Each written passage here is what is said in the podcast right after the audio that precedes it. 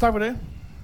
Jamen, jeg har også glædet mig til at være sammen med jer. Jeg tænkte, Kurt han ville sige, og så var der sådan en lang liste af folk, jeg tænkte sig at spørge.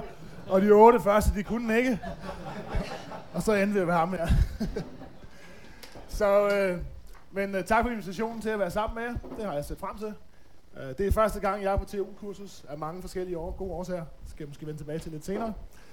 Øh, lad mig lige sige lidt om mig selv, at øh, til daglig så arbejder jeg på det, der hedder KUR, Center for Ungdomsstudier og Religionspædagogik, som er sådan en øh, forskningsenhed øh, etableret af 17 kirkelige børne- og ungdomsorganisationer fra det ene kirkelige overdrev til det andet. Øh, det er fra Danmarks Unge Katolikker over FDF, øh, LMU, Intermissions Ungdom til profetisk, apostolsk, karismatisk, et eller andet langt ude. Ikke?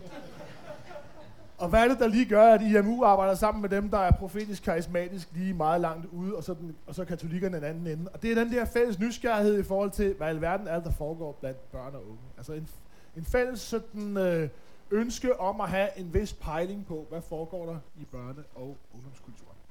Så det er det, som jeg arbejder med til daglig sammen med, lige nu har vi fem medarbejdere øh, på kur.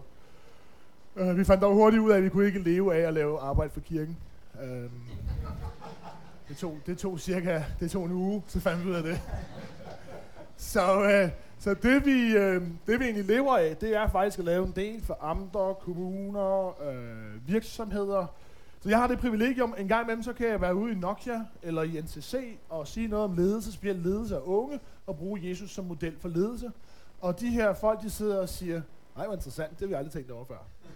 Så, øh, så, vi, så på, man kan sige, at øh, på den ene side, så ser vi det som en måde at tjene penge på. De, de betaler altså lidt bedre, end man gør i resten af kirken. Øhm, men også en mulighed for at være i mission i nogle sammenhæng, hvor at, øh, vi måske ofte, så of, ikke så ofte kommer. Så, øh, så vi laver en del af sådan nogle ting, og det vil sige en ganske almindelig arbejdsdag for mig. Det var for eksempel lige før jeg tog herover, så om, øh, om morgenen var jeg sammen med seks øh, med Superliga-trænere, seks landsholdstrænere i fodbold, en række første divisionstrænere, og eftermiddagen var jeg sammen med 15 økumeniske generalsekretærer fra forskellige steder i Europa. Så det er sådan lidt i, øh, i øst og vest. Men det er faktisk meget spændende. Det er faktisk meget spændende. Øh, og så er jeg ikke på fuld tid, så jeg arbejder halvtid som lektor op i Oslo, hvor jeg underviser i religionssociologi, blandt andet på, øh, jeg ved ikke, er det jeres søster, kan man sige, det er jeres søster institution, meningsfakultetet, hvor jeg underviser på deres ungdomskultur og tro. Den går lige. Så ja, næste gang jeg kommer også, skal jeg huske lige at spørge, hvad de, hvad de siger om det. Så... Og, øh, og så skal jeg måske sige, at jeg bor i øh, sådan in the middle of nowhere, Sjælland.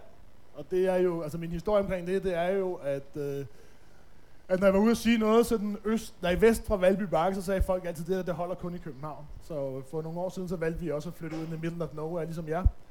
For i højere grad at kunne identificere med den virkelighed, som er jeres. Så nu bor jeg i Herfølge, 50 km fra København af, hvor at jeg er børnekoordinator i Herfølge Boldklub. Faktisk meget interessant, og det er sådan helt meget bevidst, at vi har valgt i en periode at have noget mere fokus på at være engageret i lokalområdet, end at være øh, engageret i lokal kirke. Øh, simpelthen for at komme, komme ned og være en del af den kultur. Hvad er det, der sker? Hvad sker der, hvad sker der om søndagen mellem 10 og 12? Jeg vil sige, nu er jeg blevet fodboldtræner, og øh, der er rigtig mange gudstjenester rundt omkring i forskellige idrætshaller lige på tiden. Det er ufatteligt så mange mennesker. Når min søn er ude spille fodbold, ja, og det er, det er selvfølgelig en, eller en bekendelse her, nogle gange så tager min søn ud og spiller fodbold om søndagen. Er det problematisk?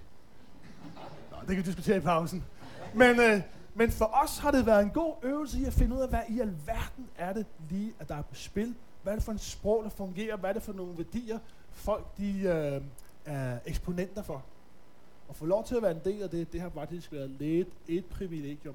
Og jeg vil prøve sådan at se, om jeg kan tegne bare lige give nogle perspektiver på den søgen, som, øh, som reelt også finder sted rundt omkring. Øh, der er en stor lighed mellem at gå til fodbold og gå i kirke, har jeg fundet ud af. Forstå på den måde, at øh, de synger også en masse sange, der ikke giver den store mening.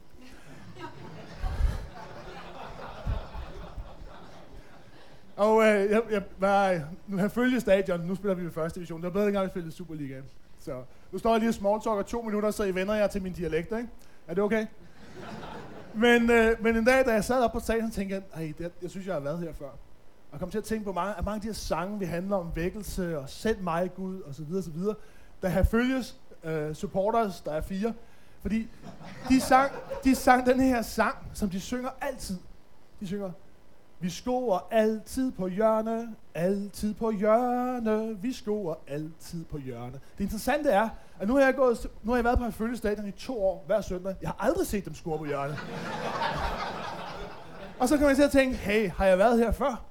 Når vi, jeg har jo sunget masser af sange, ligesom jer, og mission og vækkelse, og send mig Gud og gør mig til en radikal efterfølger af dig. Så tænker der er alligevel lidt, der er alligevel sådan lidt øh, der er en sammenhæng mellem at gå til fodbold og sidde i en kirke.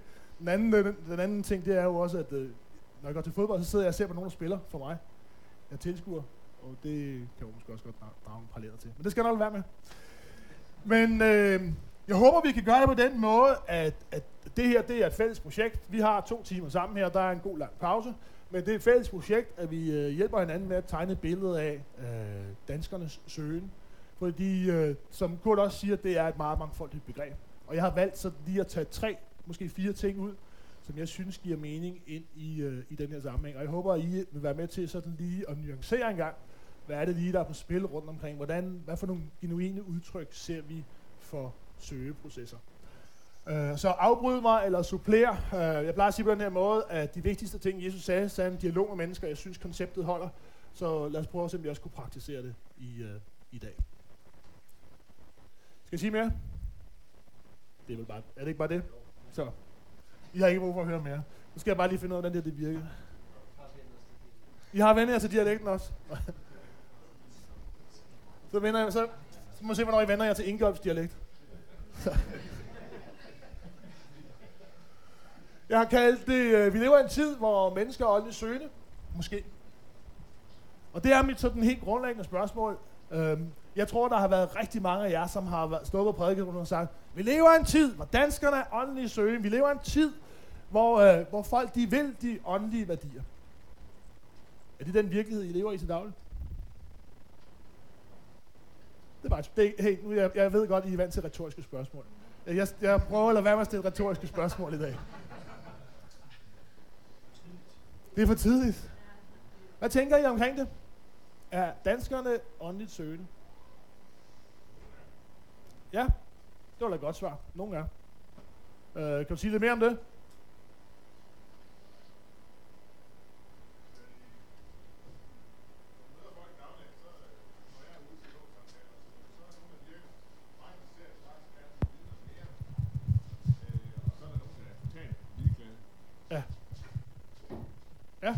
Så der er en eller anden, der er en, hvad skal vi sige, en åndelig åbenhed. Vil du kalde det en søgen? Vil du kalde det en søgen? Ja, altså jeg tror, det er vigtigt lige, at vi sådan er med på, handler det her om en åndelig åbenhed, eller handler det om en aktiv søgen? Det er, det er meget forskelligt. Det er meget, to meget forskellige ting. Så hvad vil du sige? Er de aktive søgende, søgen, eller er de bare åbne i forhold til den religiøse dimension i deres liv?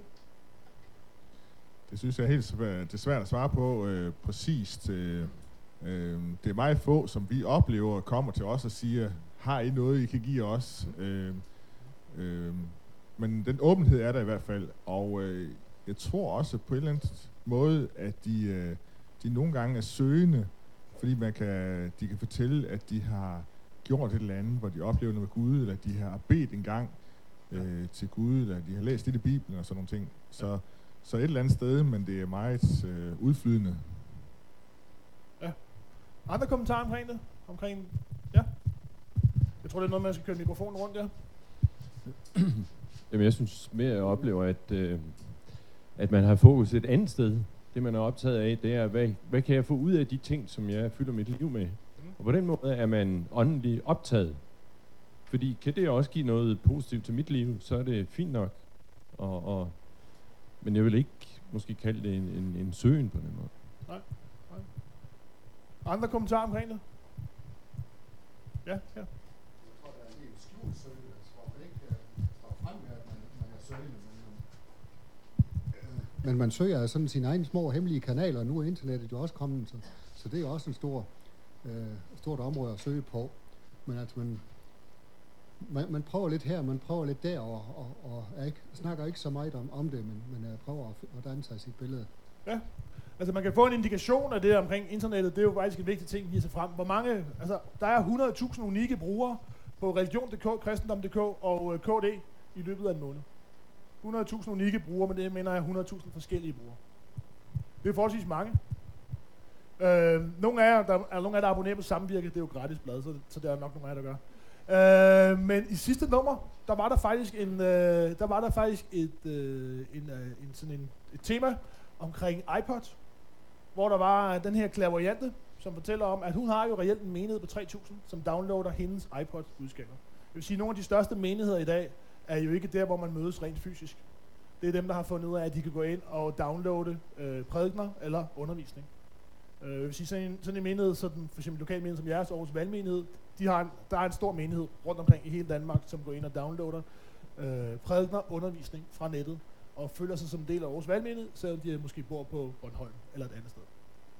Så det bliver et, og det er klart et medie, som vi er nødt til at, at arbejde med, bliver større og større. Uh, der er rigtig mange, der også er med i Saddleback Community Church, eller Willow Creek. Uh, ikke, ikke søndag morgen i Chicago, men uh, mandag, når de er på vej til arbejde i deres bil. Fordi de går ind og uh, podcaster Bill Hybels prædikner. Så for nogle af jer, så er det måske en uh, overvejelse værd. Er der nogen af jer, der gør det? Uh, sådan uh, podcaster jeres prædikner?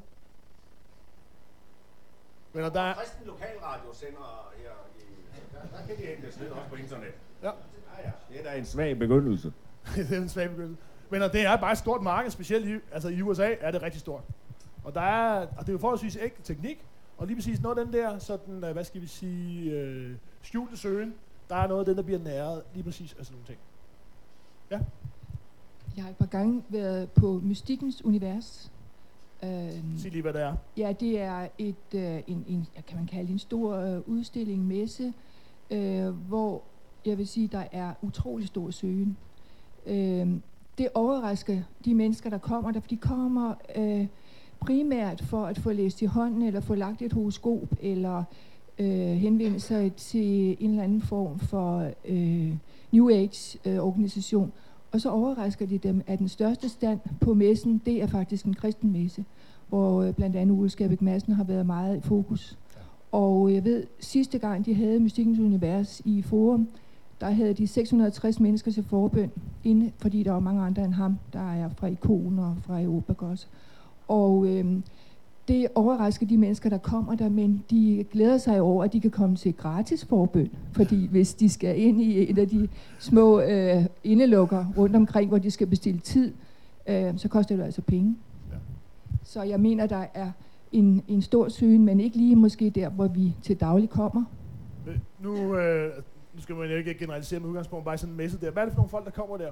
Helt, helt kort. Ja, det er jo et udsnit af, af, af alle samfundslag og øh, mennesker, som øh, ja, måske har nogle øh, øh, problemer, men øh, de regner med, at de kan finde noget der. Og de vil gerne vide noget om sig selv, øh, som de tror, at den anden ved noget om. Ja. Altså profetier er en form, ja. kan man sige, en om, eller hvad det nu er. Jeg vil sige, at, at stort set alle undersøgelser, jeg skal også prøve at tage et par undersøgelser frem her, de viser jo, at der hvor der begynder at blive en, en eller anden form for aktiv søgen, der hvor man kan se en signifikant aktiv søgen i nogle segmenter, det er jo primært, når vi kommer op i plus 40, 45 plus. Øh, og jeg kan godt sige lidt om, hvor, hvad det handler om. Det handler jo om, at øh, det åndelige er reelt i udgangspunkt på vores dagsorden. Men hvis du er 14, 24 eller 34, så står det meget langt ned på din dagsorden. Og når, der begynder, når du begynder, ligesom når Kurt går ned i Netto og køber ind, så streger han ud, øh, når han har købt de der mel, sukker osv. Efterhånden som vi får streget ting ud på vores øh, dagsorden, så kommer det religiøse, det eksistentielle øh, længere og længere op. Og øh, når vi har fået streget kærester, familie, uddannelse, arbejde for anden, tredje gang, øh, kærester for anden, tredje gang osv., streget det ud, så ser det ud som om, at øh, det essentielle, det religiøse, det kommer lidt længere op. Og øh, dem, når vi, jeg har været med i det projekt, der hedder Gudstro i Danmark, og øh, der ser det ud som om, at man godt kan udskille en, en gruppe, øh, plus 45, som er noget mere søgende end resten af befolkningen. Specielt kvinder, social sundhedssektoren, eller der arbejder med i uddannelses- og undervisningssektoren. Du vil sige noget? Ja. Jo, Ja, tilbage til åbenheden. Altså, du har utvivl ret i de ting. Det har du selvfølgelig. Men for 7-8 år siden, måske 9, jamen der var der så helt op, der skete der noget, i hvert fald i, alle, vi, øh, i storbyerne med konfirmanderne. Pludselig var Gud en selvfølgelighed. Altså der, der skete simpelthen et spring, og vi snakkede om det øh, i Christianshavn, hvor vi har mange konfirmander. Der skete simpelthen noget, og sådan vil jeg da godt have på, hvad er det, der er sket, hvad er det, de gør. Altså Gud er en selvfølgelighed. Der er ikke spørgsmål. Altså da jeg var i de første 10 år i min gerning i København, jamen så skulle man argumentere for det hele. Pludselig så er de åbne på en helt anden façon. Men aktiv søgende, det er klart, der er et, et langt spring til jo. Ja. Men, men der er der sket noget, som stadig holder ved. Det er jo interessant, at øh, øh, på trods af alle forudsigelser, øh, blandt andet blandt religionssociologer, så må man sige, at Gud overlevede og meldes i god form. Øh, og, øh, og det gør han jo specielt for eksempel i, i altså sådan nogle konfirmander, de, det, er jo, det er jo få af dem, som sætter spørgsmål. Hvor mange tror på Gud? Det gør over halvdelen. I løbet af i de 10 år, vi har lavet teenager troundersøgelser, så er gudstroen vokset fra 39% til 51%, som, som, så den positive udtrykker, jeg tror på Gud. Og en stadig mindre gruppe, som reelt siger, øh, jeg, jeg tror faktisk ikke på Gud. Hvad er det, der er sket? Øh, hvad er det, der er i spil her? Øh, noget af det, der er sket, det er jo for eksempel, at hvis man er vokset op efter 1989, så er man vokset op sådan, øh, i en periode, hvor det sidste synlige udtryk for en stor historie, det døde. Altså muren. Øh, og det vil sige, at rigtig mange af de her unge, de oplever jo, at de har ikke nogen stor historie i bunden. De vokser op med en masse små historier. Små historier, som godt kan blive deres historie, men øh, det er små, det er parallelle historier. Vi har lige offentliggjort en sådan en Generation Happy-bog i Norge, øh, hvor vi spurgte øh, folk, hvad, hvem, er, hvem er Jesus? Siger, 45% siger, Jesus er Guds søn. Hvem er, hvem er Mohammed? 45% de samme siger, Mohammed er en stor profet. Og så er der 42%, der siger, Buddha var en vis mand. Det er de samme, der siger de her tre ting. Og det vil sige, at de har tre historier, som lever parallelt. Tre i udgangspunkt sammenhængende livstolkninger. Og hvilken de vælger til, det er meget individuelt. Og det handler meget om, hvem de møder, hvem der sælger historien. Og det handler meget om, og det vil, det vil være en væsentlig point for mig at sige i dag, at øh, de, her, de her unge, for eksempel, som du snakker om konfirmanderne, de er vokset op i en tid, hvor de ikke tror på store ord. Øh, jeg, uden at, lægge, uden at lægge dem ord i munden, så har jeg jo haft uh, teenager i forbindelse med vores undersøgelser, der har sagt til mig, den dag, at George Bush og Tony Blair gik ind i Irak og sagde, at der er masser af ødelæggelsesvåben, men ikke fandt dem, den dag holdt jeg op med at tro på store ord. Jeg tror ikke på prædikanter, og jeg tror heller ikke på eksperter. Jeg tror ikke på eksperter, for i går skulle spise æbler, og i morgen skal spise fisk. Hvem tror de så på? Det er præcis. De tror på sig selv. Og så tror de på dem omkring sig, som de oplever er autentiske. Og hvis I ikke får andet med i dag, så tager det her med. De tror på andre omkring sig, som er autentiske. For de her, de fleste af os, vi oplever jo at vokse op i en tid, hvor der er rigtig meget fokus på image. Øh, på selviscenesættelse. Når man kommer til undervisningen på øh, meningsfakultetet, der er jo ikke et hår, der sidder, øh, som, som, hvor det ikke er tænkt på forhånd, hvordan skal jeg se ud. Vi har alle sammen vores stylist, ikke Kurt? Men, men din holder ferie. Men, men, I skal... Jeg har ofte foreslået, at jeg skifte. Men hør her. Det, det, det handler om, det er jo, at når man vokser op i en tid, hvor der er så meget fokus på selviscenesættelse, på så meget tid på image, så meget tid på, øh, der er så meget fokus på øh, forstillelse på en eller anden måde. Ikke? Jeg skal forestille, jeg skal spille en, en bestemt rolle. Man siger i dag, at unge, de er performative youth. De har en rolle, de skal spille. Når vi så en gang imellem møder nogen, der er det, de siger, de er, altså så lever det ud i praksis, så øh, er det det, der brænder igennem. Og det vil sige en væsentlig pointe, tror jeg, i forhold til, til den øh, generation, som, som jeg, eller de generationer, som jeg sådan arbejder med til dagligt, så er det, at, at jeg har været nødt til at gå fra ortodoxi til ortopraksi. Og det kan godt være, at det er helligbrød at sige det her. Men at gå fra ortodoxi til ortopraksi. Uh, ikke bare gå fra de store ord, så jeg kan forklare om, hvad det er, jeg tror på. Uh, Josh McDowells bøger uden ad og alle de her ting er politik, men det handler om, at jeg ved, hvad jeg tror på, og øh, jeg har tænkt det sammen med den virkelighed, jeg er en del af, sådan så, at den, min praksis faktisk afspejler det livsgrundlag, jeg siger, at jeg har. Og lige præcis den ægthed, det er jo lige præcis den, der formidler. Når vi laver de her undersøgelser, vi har lavet en undersøgelse omkring, hvad alt der gør, at mennesker uden nogen aktiv kirkelig baggrund bliver en del af et kirkeligt fællesskab. Øh, så er det jo meget interessant, at, at kun 8% af dem, de siger, jeg var aktiv søgende jeg opsøgte selv kirken, eller eller noget andet. En stor gruppe, de siger, jeg, jeg, jeg faldt helt tilfældigt over en kirke. Jeg var ikke aktivt søgende. Jeg havde det godt. Jeg skal prøve at vende tilbage til det. Jeg havde det godt. Jeg havde ikke nogen problemer. Jeg havde ikke syndenød. Men så mødte jeg dig, og så fandt jeg ud af, at hey, der var et eller andet der. Din historie, den hænger sammen med din livsstil. Og den dag blev jeg interesseret. Og jeg vil sige, at øh, når vi spørger for eksempel teenager omkring, hvad er okay og hvad er ikke okay, så er det, der er mest okay i dag, det er jo at være kristen. Nummer to er at gå op i sit udseende. Nummer tre er at være muslim. Nummer fire og fem kan jeg ikke huske i hovedet. Øh, nummer 6 er at være homoseksuel. Nummer 7 er at have en tatovering. Ingen til. Nummer 7 er at have en tatovering. Altså 6 og 7, det er homoseksuel. Men nu- nummer 1, det er at være en kristen. Så, så, så det støder ikke at sige, når jeg kommer ind i min klasse og siger, hey, jeg er kristen. Nå ja, okay, jeg er muslim. Øh, og det, som lige præcis gør, at min historie, altså fordi jeg er jo en del, jeg, jeg, min historie er parallelt med mange andre historier i en gymnasieklasse, i en skoleklasse. Det, der gør, at nogen vælger min historie til, det handler meget om, hvad de oplever, at jeg inkarnerer. De, små, de store historier lever stadigvæk, men de er blevet små historier, og de lever igennem Flemming. Hvad han gør, der hvor han er lokalt. De store historier lever stadigvæk, men de er blevet små, og de, det handler meget om, hvordan vi inkarnerer historien. Og lige præcis den der længsel efter autenticitet er enormt væsentlig at fange. Som kirke er vi sådan lidt indlejret i, at vi skal være relevante. Jeg vil bare sige, autenticitet overtrumfer relevans. Rigtig meget. Var rigtig mange procent. Rigtig mange procent. Ikke? Altså PowerPoint og hvad ved jeg. Altså, det er ikke det, det handler om. Det er i højere grad den der ægthed, som mennesker søger. Og det er lige præcis det, der gør, at der kan blive tændt. Fordi hvis, hvis man ikke er aktivt åndelig søgende, men hvis man er åben, så skal der altså noget til lige at trykke på den kontakt, der gør, at jeg begynder sådan i højere grad at blive aktiv i min søgeproces.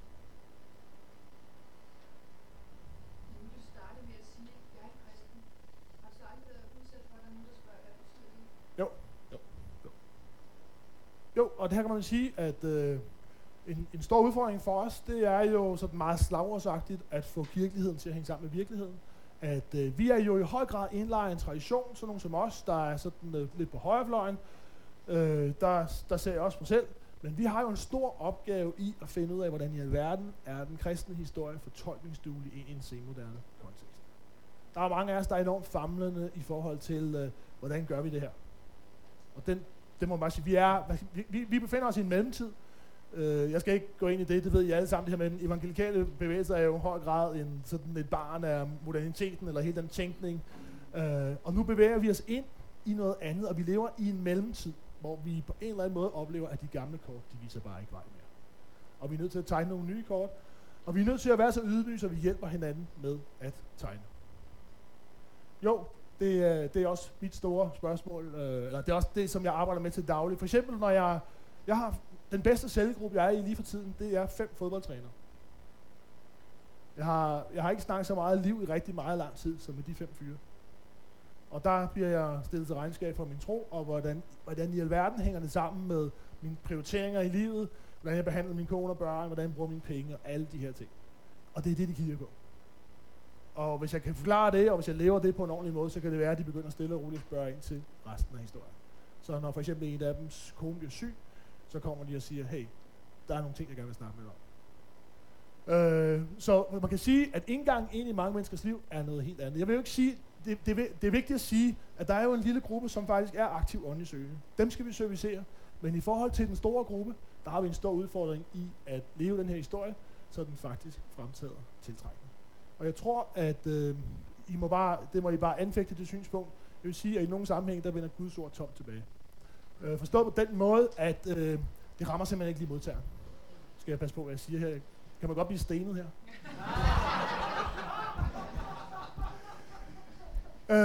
øh, altså, simpelthen, altså, der, der er simpelthen ingen, der er ikke nogen genklang. Der er ikke nogen genklang på det. Og der er nogle sammenhæng, hvor det skal, øh, hvor det skal leves ud. Altså, jeg, det, jeg synes, det er for interessant for mig, øh, når vi for eksempel siger, The Passion of Christ, nu kommer vækkelsen. Eller Narnia, nu kommer vækkelsen. Når jeg så er ude, lige nu så følger jeg 25 8. klasser. Øh, 25 8. klasses elever, undskyld. Fra In the Middle of Nowhere Skjern. Her nogen her i Aarhus, øh, i København, og så to små byer på Sjælland. Og når vi snakker om nogle af de her film, for eksempel sådan noget som Narnia, The Passion of Christ, så siger de, ja, det er meget interessant. Øh, I går var jeg inde og se Borat. I, øh, I dag skal jeg se The Passion of Christ sammen med nogle venner på DVD og i morgen skal vi se en tredje film. Og når jeg spørger dem, den der The Passion of Christ, gør, har den sådan en speciel impact i dit liv? Tænder det et eller andet? Nej, det er en film på, på, øh, på linje med de to andre. Det er en film på linje med de to andre. Simpelthen fordi de ikke har noget religiøst begrebsapparat, der gør, at de kan kode de koder, der skal knækkes. Og de kan simpelthen ikke knække de koder, der er i de film. Specielt Narnia, det går fuldstændig hen over hovedet på dem. De har simpelthen ikke de koder, der gør, at de kan knække, Og de har ikke begrebsapparat, der gør, at de kan knække koderne. Så, øh, og historien, man kan sige, at hvis man skal kode det meget ned, de fleste unge i dag, som jeg oplever, de er jo, øh, de er, har ikke indlejret deres liv i en meta-narrative, som mange også har, eller som vi har. De har indlejret deres liv i en media-narrative. Og med en media-narrative mener jeg, at de tror på, at de selv, sammen med deres venner og deres familie, der er alle byggestenene til det gode og til det meningsfyldte liv. Og i udgangspunkt søger de ikke specielt meget andet. Og øh, bare for at tage dem, dem af jer, der, dem af jer, der har konfirmander, jeres konfirmander, den næste bog, vi kommer øh, med, den hedder Generation Friværdi. Øh, ja, vi går faktisk over, hvad den skal hedde det. Og, og det handler jo lidt om, at her der er simpelthen en gruppe, de er simpelthen bare vokset op med, at de har set mor og far få en bil og to biler, tre biler. Og en carport, to, to carport og så en dobbeltmod garage. Altså, de er jo vokset op med en uafbrudt økonomisk vækst. Øh, masser af muligheder, og det har stor betydning i forhold til deres selvbillede, og hvilke behov de oplever at have i deres liv. I udgangspunkt så tænker mange af dem sådan her, hey, jeg bliver millionær, inden jeg bliver 21. Jeg ved ikke med de andre, men jeg bliver millionær, inden jeg bliver 21. Og det er, de er stadig ikke, altså, når vi, når vi sidder og snakker med de her 25 elever, som jeg mødes med dem hver uge sammen med, med to andre, øh, øh, to andre altså antropologistuderende, vi mødes med dem hver uge, når vi snakker med dem omkring tro, det er bare meget, meget, meget lidt, det er på deres dagsorden. Det er os, de vil gerne snakke med os, når vi tager det op. Men øh, når vi spørger dem, er det sådan et emne, I diskuterer med hinanden sådan på teenageværelserne, så må jeg bare desværre sige, at øh, det er altså ikke nummer et på hitlisten. Det kommer måske som et chok for jer, men øh, sådan, øh, sådan er det ikke. Man kan måske sige på den her måde, at øh, danskerne, der hvor danskerne søger, skulle det her virke, hvis jeg skriver page? Det tror jeg faktisk ikke, det gør. Ah, ja, det er smart. Og det er måske ikke så meget. Da, da, da, da, da. Start. Jeg prøver. Jeg gør det lige på den her sted. Hvor søger danskerne? Hvis I vil have en fornemmelse af, hvor danskerne søger hen.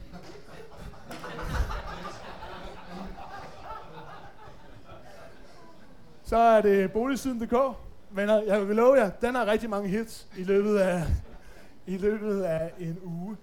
Og det, vi kan grine lidt af det, men lige præcis den der friværdis ting, den gør jo, at der er simpelthen folk, der siger, at den her media-narrativ, den giver rigtig stor mening i mit liv. Der, hvor jeg er i mit liv, lige nu og her. Vi skal lidt længere hen i deres liv, for at uh, de eksistentielle kommer lidt højere på dagsordenen. Nogle spørgsmål? Ja?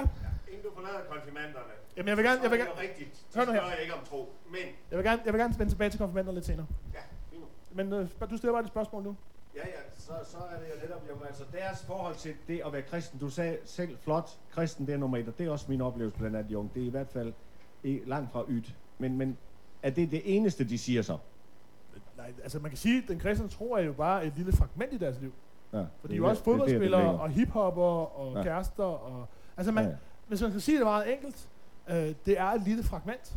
Ja. Og øh, religion bruges til på en eller anden måde at hjælpe med at skabe mening. For mange af jer, så har jeres tro, den har jo været med til at skabe livsstil også i jeres liv. Det gør den ikke i forhold til de her unge. Men den der bliver alligevel tydeligere og tydeligere for dem, At, ikke? at de er kristne. ja, Altså det bliver der mindre og mindre tvivl om. Det er de sgu. ja. Men, men samtidig så har de enormt svært ved at sætte ord på, hvad det, Det er betyder rigtigt. at være kristen. Jeg vil sige på den her, man kan sige det meget enkelt, at øh, der er cirka 1 ud af 5 af dem, der bliver konfirmeret, de tror på, øh, Je- de tror på Gud, de tror på Jesus som Guds søn, og de tror på opstand. Der er en ud af fem, som t- har taget faktisk sådan de grundlæggende dele af pakken. Og vi ser det igen, når vi ser, når vi laver de undersøgelser omkring den, der så senere i livet vælger at blive en del af et aktivt kirkeligt fællesskab, så er der 20% af dem, som øh, når de møder Pinsekirken eller Indre Mission, og folk vil have, at de skal omvende sig, siger, det har jeg ikke brug for. Jeg har simpelthen lige siden, at jeg var de der meget lille, så har jeg simpelthen øh, forstået mig selv som kristen. Jeg har bare ikke været aktiv i et fællesskab. Og det er ikke kun vores undersøgelse. Der er flere andre undersøgelser, der viser jo, at, at danskerne, der er cirka 20 procent, som tror på hele pakken. Hvor mange er aktive i kirken? Hvor mange kommer til gudstjeneste ganske mindre søndag i øh, Danmark? 2 procent. Hvor mange kommer i løbet af en, nej, 2 procent. Hvor mange kommer i løbet af en måned?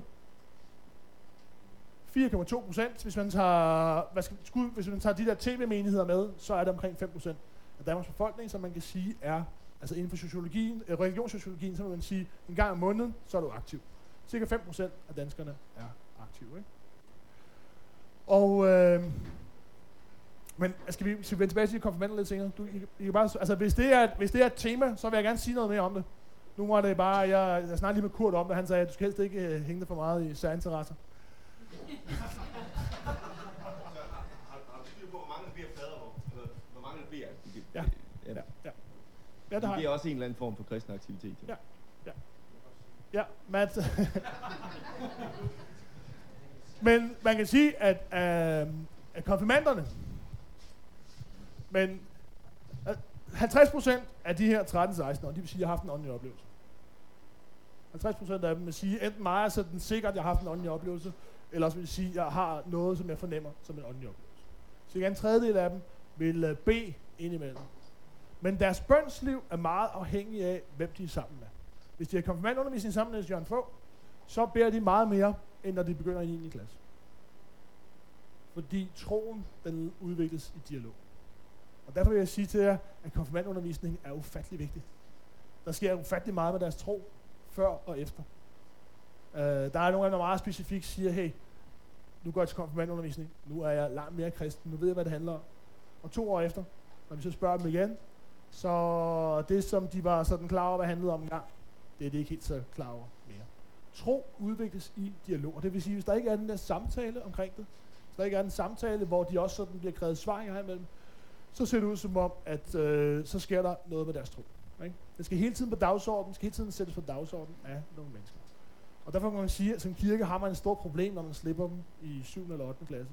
Man bør måske overveje, ligesom man gør i Norge, det her med at have trosoplæringsreformen, hvor man tager folk lidt længere tid. Ikke? Så der kunne være nogle øh, perspektiver i det. Men øh, så det er cirka en tredjedel. Øh, og i øvrigt så er de rigtige, når, de, når I beder ind i kirken, så beder de med på jeres bønder. Det er det, lad os bare sådan, vi tager to minutter med de her konfirmander, så skal jeg nok droppe dem. Øh, gudstjenesten, hvad, hvad er det lige, de tænder på, når de er til jeres konfirmand gudstjenesten? Jeg kan også sige, hvad er det, der ikke holder? Hvad holder ikke? Når vi spørger dem om, hvad tænker I omkring gudstjeneste? Flemming, hvad er dit bud? Hvad holder ikke? Nej, nej, nej, slet ikke. Nej, det er dig, der ikke holder. og det er prædiken, og det, sådan har det været de sidste 10 år. Det er prædiken, der ikke holder. Men, men salmerne, det er faktisk ikke helt, helt så, det er ikke slemt. Men det, som holder totalt, det er fællesskabet. Det bliver taget godt imod. Når jeg møder Kurt hen i kirken, så siger han, hvor er det godt at se dig. Øh, det, det holder. Og så holder det at blive med på Niels Jørgens bønder, og det holder, når du fejrer nadver. Det er det, der holder. Og så er der faktisk ikke så meget mere, der holder. Ja, men, det, jo, men liturgi Men kan man sige. Ja, nej, man kan sige, liturgi i det hele taget holder. Liturgi i dag er jo mission. Liturgi er mission for de her unge, for de her, det er mærkeligt. Det er totalt. Der skal simpelthen gøres noget. Ja. Og specielt i forhold til drengene skal der gøres noget. Uh, man kan sige, at den måde, vi er kirke på, er alt for feminin. Ja. Forstået på den måde. Forstået på den måde, at for eksempel, jeg har lige været sammen med Simon oppe i Gilleleje. Han siger til mig, Søren, jeg voksede op med min mor. Min far og mor lever ikke sammen. Da jeg var på Rød Stue, der var mine stuepædagoger, de var kvinder. Nu går jeg simpelthen på Gilleleje skole. Jeg har ikke en eneste mandlig lærer. Og så kommer jeg ned til konfirmandforberedelse, og hvad møder jeg så ned i Gilleleje Kirke? En kvindepræst. Det giver bare ikke så meget mening for mig. Ikke? Og specielt drengene er man også faktisk i konfirmandundervisningen nødt til at udvikle nogle andre strategier i forhold til at rumme. Øh, de, der er så mange af dem, der står fuldstændig af på den der meget feminine tilgang, vi har til, hey, nu har vi konfirmandundervisning, og i dag har jeg taget boller med.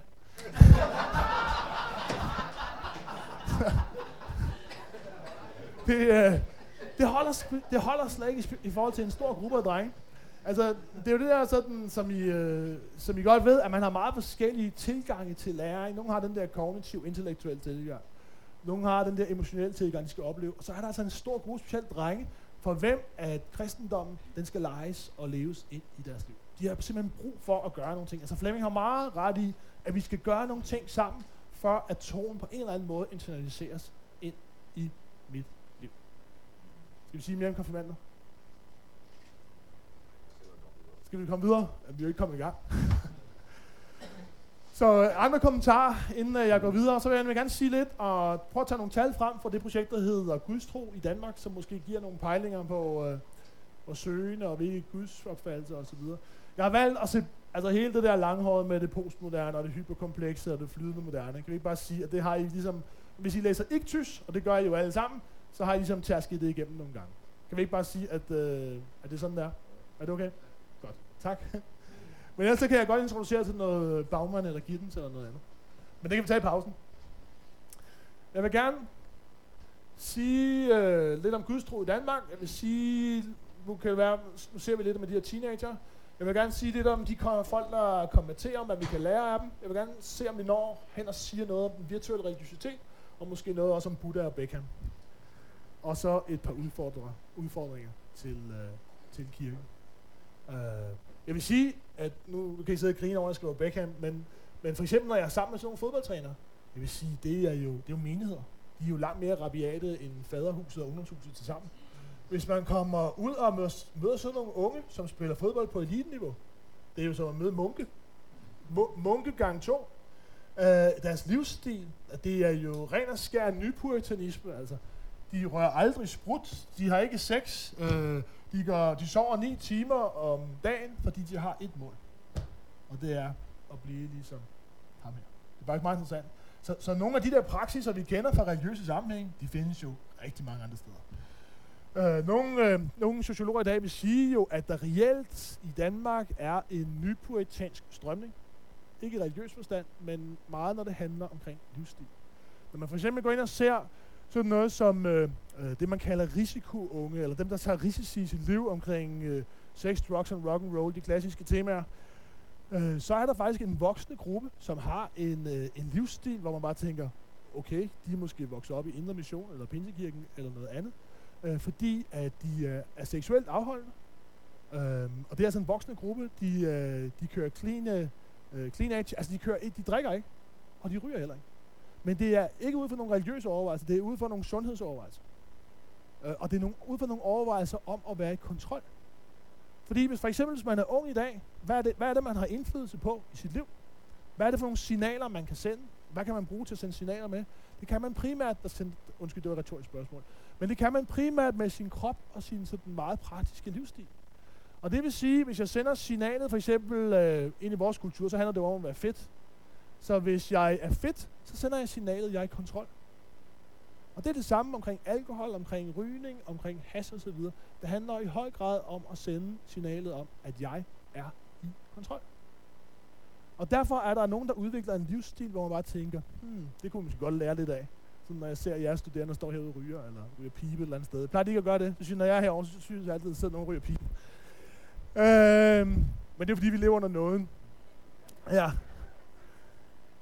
Øhm, og, og, og den der, hele den der kontrolting er jo, øh, man kan sige, det, det spænder jo, altså der er masser, masser af religiøse paralleller omkring det. Jeg vil sige, en anden meget interessant ting omkring kontrol lige nu, det er jo, at flere og flere holder op med at svare på deres sms-beskeder. Det er blevet trendigt. Når man øh, når op over 9. klasse, så er det blevet trendigt ikke at svare på sine sms-beskeder. Så nu er der altså nogle af jer, der bliver trendy nu, ikke? Men, øh, men det, det handler om, det er jo, at jeg har for eksempel en gruppe, som har sendt over 35.000 sms-beskeder i løbet af et halvt år. 506 af de, øh, dem jeg følger, de har sendt over 35.000 sms-beskeder på et halvt år. Når man har sendt så mange igennem perioden, og de har fået mobiltelefon, da de var 10 år gamle, ikke? Efterhånden så finder man ud af, at det er ikke alle de sms-beskeder, der er lige vigtige. Og, øh, og øh,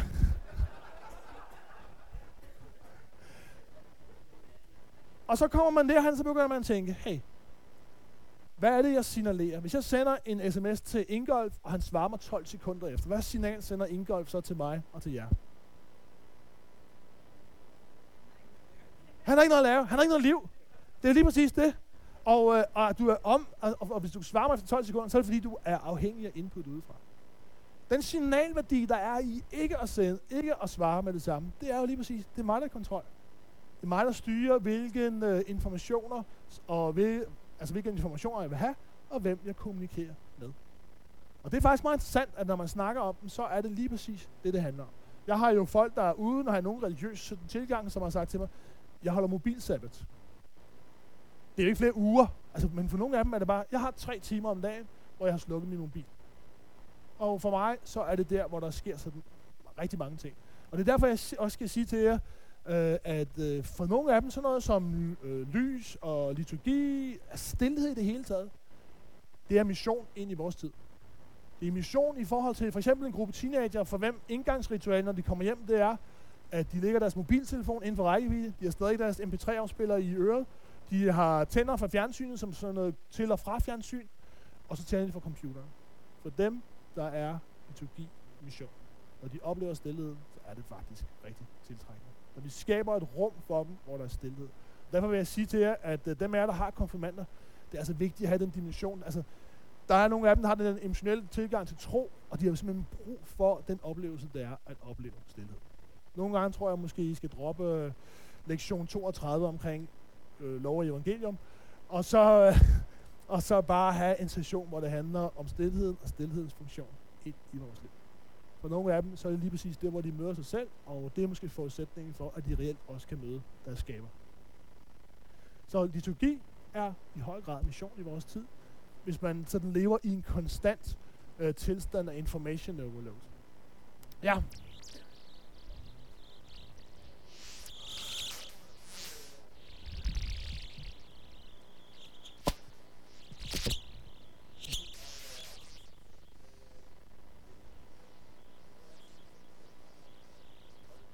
Nemlig det, du vil.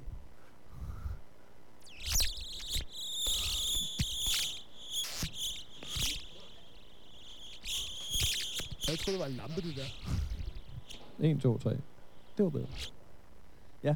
Øh, ja, jeg sidder jo sådan, øh, og altså den der prædiken, den vil jeg meget gerne have reddet jo på en eller anden façon. Så det er så det, jeg skal lige prøve på nu. øh, fordi på den ene side, så øh, taler du jo for, at, at for noget tid siden, altså autenticitet, den menneskelige, personlige autenticitet, det er det, er det der, der sælger varen. Og det oplever jeg også øh, virkelig over for konfirmanderne for eksempel. Øh, og så på den anden side, så går du sådan lidt i den der øh, liturgiskole, hører jeg. Ja. Øh, at det skal være så spændende og sådan noget, med nogle opleve, kropslige oplevelser.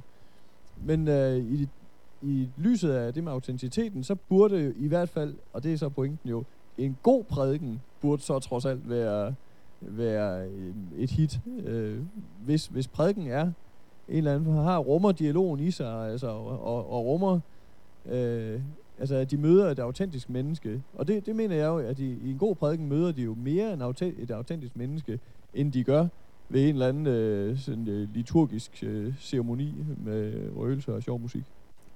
Men, men så lad mig sige lidt mere om det, fordi at den der dialog, som du snakker om, det er jo ofte, når, når vi hører stemmer ind i vores eget hoved. Altså det er, når vi prædiker, så er det jo dialogen med os selv, vi henviser til, ikke?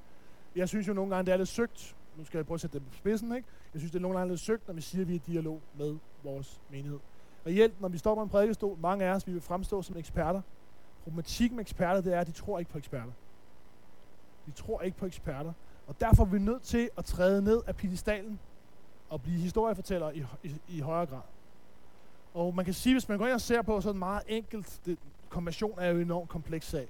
Men jeg vil sige, hvis jeg skal sige det meget enkelt, så vil jeg sige, at konversion i dag er fire skridt. Fire skridt. Øh, Det første skridt, det er, at jeg møder, jeg møder det der autentiske menneske. Jeg møder de mennesker, som øh, har den der sådan, som praktiserer ortopraksi. Dem, som gør mig interesseret i historien. Det næste skridt, det er, at jeg oplever, at den historie, de praktiserer, den reelt er fortolkningsduelig i forhold til nogle af de dilemmaer, jeg har i mit liv. Og det er som oftest ikke de store omkring øh, skyld og skam og hele svineriet. Øh, det er i højere grad omkring, hvordan jeg verden får mit liv til at hænge sammen. Hvordan får jeg prioriteterne i orden? Hvordan er jeg en ordentlig far for mine børn? Det er i højere grad, hvis, hvis kristendommen, øh, hvis de oplever at få redskaber til det, så tænker de, hey, den her historie, den holder. Men, men så kan vi sige, at der er to elementer til, som er væsentlige at få med. Og det er, at liturgien den kommer ind der, hvor de får et møde med noget, der er større end dem selv. De får et, møde, et møde med noget, der er større end dem selv. Og det kan for eksempel være, når vi, har, når vi er stille sammen, eller vi tænder et lys, eller brænder en kat af, så der er lidt røgelse eller noget. Øh, men, men jeg vil også sige, at, at det, er flere, det, det er flere skridt. Fordi på et tidspunkt, så bliver det jo lige præcis ikke nok med, at jeg har et møde med noget. Så skal det være et møde med nogen. Og øh, det fjerde element er jo lige præcis historien om Jesus. Men det kommer bare ind på et andet tidspunkt. Øh, og vi er nødt til at bygge den der, det der fundament først. Øh, af tillid, af nysgerrighed, at man er åben i forhold til den religiøse sfære. Og så fortæller vi historien om, at jul handler ikke bare om flæskesteg og julegaver, det handler om, at Gud får ansigt. Men øh, tingene vender bare den anden vej. Så jeg er jo, det er jo ikke fordi, jeg i udgangspunkt vil, vil sløjfe prædiken. Jeg tror bare, det er vigtigt, at at prædiken øh, kommer ind på et bestemt tidspunkt i deres liv. Ikke? Og specielt, specielt dem, der, også dem, der kommenterer, de siger, at prædiken betyder ikke det store, øh, det store i mit liv. Samtaler med præster øh, betyder ikke det store i mit liv. Det er jo relationerne. Det er dem, der kan leve det ud, der betyder noget. Så. Men det var et meget godt forsøg på at redde prædiken. Andre kommentarer omkring det? Øh, vi skal også lige passe på tiden her. Det er derfor, at Kurt han sidder her med sine karismatiske arme og fægter sådan en pinsekurt, som vi kalder ham. Så pin, Kurt har... Kurt har rakt sine arme op, så jeg tror, det er et signal om, at øh, vi trækker stikket ud i 20 minutter. Kurt, er det okay? Så vi mødes igen 5 minutter i halv. Man må håbe, at Jesus kommer til tiden, hva'? I modsætning til jer. Øhm, Lad mig kort sådan lige introducere nogle tal fra det her projekt, der hedder Gudstro i Danmark, som var en del af det her projekt på KU, der hedder Region 21 århundrede. Bare for lige at sige, hvor er vi henne, når det handler om, øh, om Guds tro, og hvad er det for en sammenhæng, vi øh, forkynder ind i, hvis vi forkynder, og i hvert fald den sammenhæng, vi lever ind i. Man kan sige, at i udgangspunkt, så er det kun en ud af fem danskere, som vil sige, at de ikke tror på Gud i nogen som helst form. Det er ikke særlig mange. Der er faktisk 80 procent, som i udgangspunkt er hvis I vil have de her slides, altså det må I gerne, Kurt. Hvis det, hvis det giver mening. I kan sagtens få mine slides. Giver det mening? Øh, jeg kan sende dem til Kurt, så kan han lægge dem et eller andet sted. Har I, kan man lægge dem ud på jeres hjemmeside? Eller? Godt. Det er mere, så I behøver ikke sidde og skrive alle de her tal ned, ikke? Så. Øh, så koster det 200 kroner, hvis I bruger de slides her. øh, og man kan sige, at der er stort set ikke sket noget de sidste 30 år. Øh, eller de sidste 35 år. Altså, faldet i Guds tro, det ligger meget, det ligger meget tidligere. Det ligger reelt der fra, fra øh, 48 til 1970. Så de sidste 30 år er der ikke sket specielt meget. Når man går ind og ser på de undersøgelser, der bliver lavet, altså specielt det, jeg refererer til i dag, er specielt den europæiske værdiundersøgelse, men også andre undersøgelser omkring Guds tro i Danmark. 62 procent angiver, vel i 1999 angiver, det er den nyeste, vi har, øh, vil angive, at de tror på Gud, mens 40 procent angiver, at de er religiøse. Og hvorfor er der 40%, der angiver religiøse, men 60% der siger, tro på Gud? Det er fordi religiøst i udgangspunktet er et langt mere negativt lavet begreb, og har sådan lidt fanatisk klang over sig. Ikke? Men tro, det er okay. Men at være religiøs, mm, der er lidt for meget fisk over det. Øh, og så kommer der nok heller ikke som den store overraskelse, det er jo øh, i alle mulige sammenhæng, at flere, flere mænd end, øh, flere kvinder end mænd tror på Gud. Der er forskel på cirka, cirka 20 procent. Når vi går ind og ser på dem, der kommenterer, så er det, så er det to tredjedel kvinder, en tredjedel mænd. Øh, undtagen, når vi går ind og ser på dem, der kommenterer til islam, der, der bliver fordelingen mere og mere lige. Hvis man går 15, 10-15 år tilbage, så var, det, så var det i høj grad kvinder, der blev forelsket i pizzabærens søn og skulle giftes. Men i dag er der flere og flere så den etniske danske mænd, der kommenterer, og, øh, og kønsfordelingen bliver mere og mere lige inden for islam. Så. Og det er meget interessant. Øhm, jeg skal ikke sige så meget, men jeg kan bare sige, at for eksempel i blandt hiphopper, øh, yngre hiphopper i København, der er der sådan en mindre religiøs vækkelse, hvor de vælger at konvertere til islam. Og øh, det handler lidt om, at nogle af de store rapstjerner, de er muslimer. Og så, så tænkningen går på den her måde. Hey, fed rim, fed rytmer, han har street credit, jeg tager hele pakken. Og når man spørger dem om, hvorfor, hvorfor går I ikke bare ned til Fleming Butts, øh, så, så, så siger de, der er langt. Så siger jeg, hvorfor går det ikke bare ned til Niels Jørgen? Så siger de, det er fordi, at islam, der er ikke så meget pis. Islam, der er ikke så meget pis. Vi beder fem gange om dagen, vi går hen i moskeen om fredagen, og bagefter ryger vi vandpige. Og venner, det, det kan godt være, at det, det, det er lidt en karikatur, men det handler jo om, at der er simpelthen en gruppe her, som har brug for nogle forholdsvis enkle svar på meget komplicerede spørgsmål. Og der er så en, en voksende gruppe af drenge, nogle af de drenge, som kan føle sig noget isoleret, blandt andet i et uddannelsessystem, som er meget feminiseret, en kirke, som er meget feminiseret, som tænker, hey, det der, det giver altså rigtig god mening. Han synger, han danser, han rimer, og så hænger det sammen med hans tro på Allah. Så jeg tager den pakke også. Jeg ved ikke, det er spændende at se, hvor lang tid det holder. Om det holder sådan også på lidt længere sigt. Men for nogle af dem, så giver det rigtig god mening nu og her. Jeg vil så også sige, at religiøse konventioner for rigtig mange, de er jo, de kan godt give mening nu og her, men ofte så vil de også løbende være til forhandling. De vil løbende være til forhandling. Det vil sige, for eksempel dem, der vælger at blive en del af, af kirkelige sammenhæng, der er det 40 procent af dem, som løbende overvejer at give det her mening for mig. Jeg, jeg kommer i IMU nu, eller jeg kommer i Pinsekirken nu, men løbende så overvejer jeg med mig selv, at det er en win-win. Giver det mening for mig at være her? Så, så det, som, det som nogle af os, der er indlejret den tradition med, at jeg blev født til et IMU-møde, og jeg dør til et IM-møde, øh, det holder måske ikke helt for den store gruppe. Specielt ikke af dem, for dem, øh, som har valgt det til. Så. Øh, I, må, ja, I må undskylde, hvis jeg engang med en karikerer lidt. Så. det er det. Hvad, øh, hvad for en Gud tror de på? Hvad for en Gud tror de på? Ja, altså i udgangspunkt, så er det igen af tallene fra de europæiske værdiundersøgelser. Øh, bare prøve at sammenholde dem lidt. Der er faktisk øh, cirka en fjerdedel, som tror på en personlig Gud. Gud som en personlig Gud. Øh, der hvor det store, altså der hvor det store ændring har været, har jo i høj grad været øh, i forhold til forståelsen af Gud som en åndelig kraft. Og øh, så er der lidt færre, der er i tvivl, og så er der lidt færre, der tror ikke. Så man kan sige, at Gud er blevet noget mere svævende, men det ligger nogenlunde fast, at øh, cirka en fjerdedel tror på Gud som en personlig Gud. Og man kan sige, at det, der er interessant, det er jo, at, at for mange af dem her, når de så skal bede til Gud, når de så skal bede til Gud, så bliver Gud pludselig en han. Og det, det giver meget god mening. Altså i en tid, hvor rigtig mange ting flyder, så giver det bare ikke den store mening, når det kommer til stykket. Når jeg så får konstateret en eller anden sygdom, eller skal til eksamen i tysk, og ikke har læst et helt år, så, så giver det simpelthen ikke nogen mening at, at bede til noget. Så må jeg bede til nogen. Og så bliver Gud pludselig en han, og Gud bliver meget personlig.